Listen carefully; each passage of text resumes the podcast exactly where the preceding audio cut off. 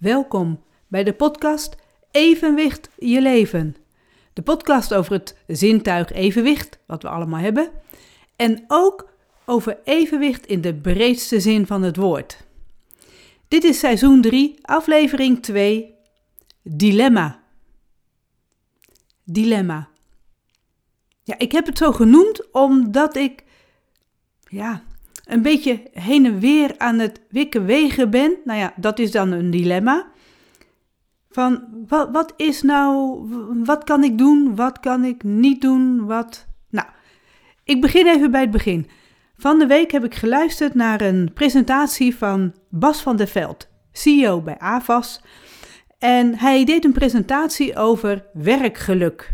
En daarin gaf hij een heleboel tips van hoe het werk veel leuker gemaakt kan worden, veel prettiger voor alle mensen die aan het werk zijn binnen een bedrijf. Dus vanaf uh, de, de post rondbrengen en de schoonmaken tot aan dus de hoogste uh, leidinggevende in het bedrijf. Hij wil graag dat iedereen in het bedrijf zich prettig voelt en zich gezien en gehoord voelt. En dat dus dat ze plezier hebben in hun werk. En daar heeft hij heel enthousiast over verteld. En als laatste tip gaf hij een soort bonus tip, tip 8. Het was eigenlijk een beetje een privé-tip, zei hij, een persoonlijke tip. Hij zei: stop met consumeren van nieuws. Nou, en dat ging hij natuurlijk even uitleggen, want hij gaf aan: nieuws dat maakt negatief. En nieuws dat kost heel veel tijd als je dat allemaal wil lezen en wil volgen. Het doodt ook de creativiteit. En het meeste nieuws is ook heel vaak negatief. Want goed nieuws, ja, wie zit daar nou op te wachten?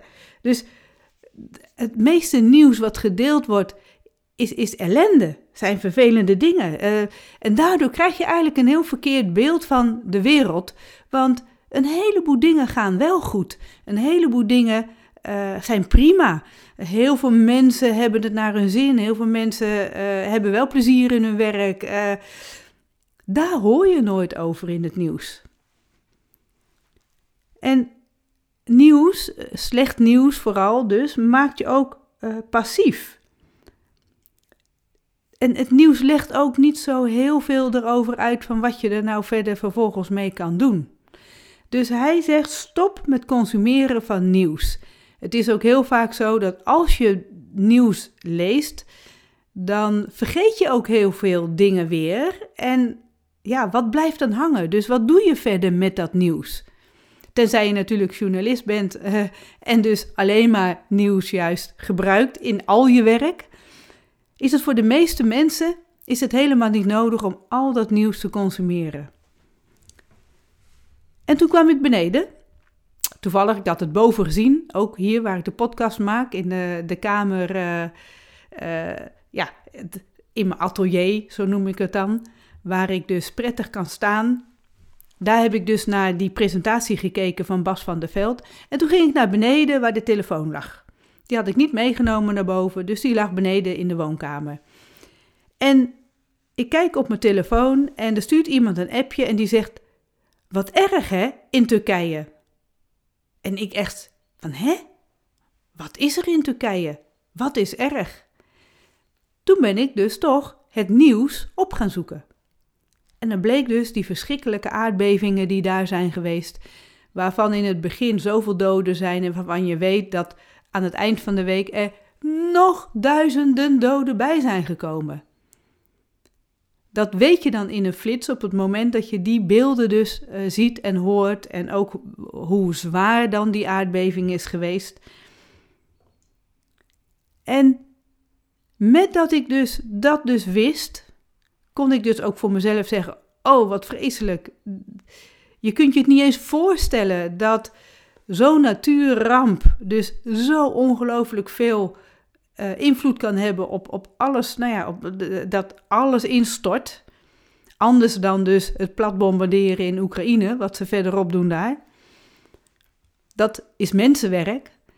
En die aardbeving zelf, dat is, dat is natuurgeweld. Daar kunnen wij niets tegen doen. We kunnen dat niet veranderen.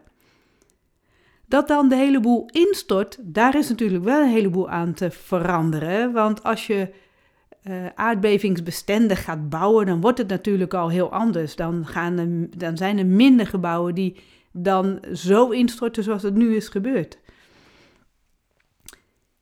Maar naar aanleiding van dat appje en dat ik dat nieuws ging opzoeken, maakte dat mij inderdaad passief. Ik had even helemaal geen zin meer in om ook maar iets te doen. En ik ben wel dingetjes gaan doen, gewoon een beetje in het huishouden. En, en...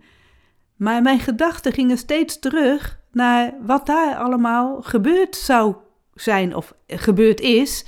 Met de beelden die je dan ziet en het verhaal wat je hoort. Maar ook dat je dus voor jezelf ook gaat voorstellen van hoe verschrikkelijk dat is. En inderdaad, dat nieuws is niet fijn. Het is ellende. Had ik dat appje dan beter niet kunnen lezen? Nee, als ik dat niet gelezen had, dan was ik pas veel later op de dag en misschien pas s avonds, als het journaal aanging, dat ik dan pas erachter ben, was gekomen wat er gebeurd was in Turkije. Want zolang ik niemand spreek en zelf dus geen nieuws kijk en geen nieuws lees, kom ik daar dus ook niet achter. Had ik het dan toch wel willen weten of was eind van de dag ook goed geweest. Want ik heb er helemaal geen invloed op. Ik, ik kan er zelf op dat moment, als ik zoiets hoor en zie, kan ik er niks mee. En dan, dan ontstaat het dilemma bij mij. Want ik ben, ik ben sowieso al dagen draaierig. Dat is naar aanleiding van de corona, uh, ziek zijn. En die draaierigheid zorgt ervoor dat ik al uh, uh, mezelf wat, wat ja, wat, wat moeilijke, uh, moeilijke lopen. Uh, het voelt allemaal wat zwaarder aan. Alles gaat wat langzamer. Ik moet veel beter opletten met alles wat ik doe. Dus ik, ik zit al niet zo lekker in mijn vel. En dan, dan komt al het eerste dilemma. Mag ik wel dat voelen en, en klagen daarover, terwijl daar dus die aardbeving aan de gang is? Terwijl daar dus niet aan de gang, want dat is een momentopname, maar alle gevolgen daarvan, wat daar aan de gang is. En dan, en dan het volgende dilemma. Heeft het wel zin om, om, om aan mijn boek te blijven werken? Want heeft het wel zin dat, dat ik een boek nog ga schrijven hier in Nederland? Terwijl daar de mensen helemaal niets meer hebben. Dat ze gewoon alles kwijt zijn. Dat ze nergens meer bij kunnen. Dat, dat je hele leven totaal overhoop is gegooid. Net als wat die mensen in de Oekraïne hebben waar de boel plat gebombardeerd is. Ook die hebben helemaal niets meer. En aan de andere kant, ook dilemma, mag ik wel blij zijn? Mag ik wel vrolijk zijn? Mag ik, mag ik me wel happy voelen? Terwijl dat allemaal daar aan de gang is. En ook nog een dilemma. Is het wel slim om plannen te maken? Is het wel slim om afspraken te maken voor over een, uh, een paar maanden? Want als je al die verhalen hoort, die oorlog komt ook maar dichterbij. Uh, heeft het dan wel zin om die afspraken nu allemaal te maken? Heeft het wel zin om, om alvast over vakantie na te denken? Kan best zijn dat er helemaal niks van terecht komt straks. Dus dilemma. Dat, een soort, soort, bijna een soort kortsluiting in mijn hoofd van, van al die gedachten die dan heen en weer gaan. Totdat ik op een gegeven moment ook echt had van de, de vraag ook zelf stelde: welke invloed heb ik op datgene wat daar nu in de Oekraïne gebeurt en wat er nu aan de hand is in Turkije? Ik heb geen enkele invloed daarop. Hoogstens dat ik nou ja, ik kan geld sturen. Uh, een deken misschien geven, uh, spulletjes hier in huis. Zou kunnen. Maar voor die mensen maakt het niet uit of ik blij ben, of dat ik verdrietig ben, of dat ik aan het klagen ben, of juist heel hard aan het werk ben. Het maakt voor die mensen helemaal niks uit. Die zijn helemaal niet bezig met wat ik hier allemaal doe. En het heeft ook geen enkele invloed met hoe ik doe naar hun toe.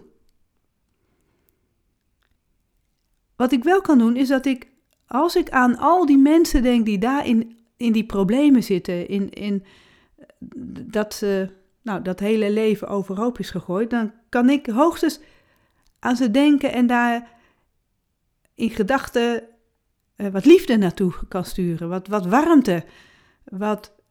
Um, dus alleen maar even aan die mensen denken van een soort, soort medeleven.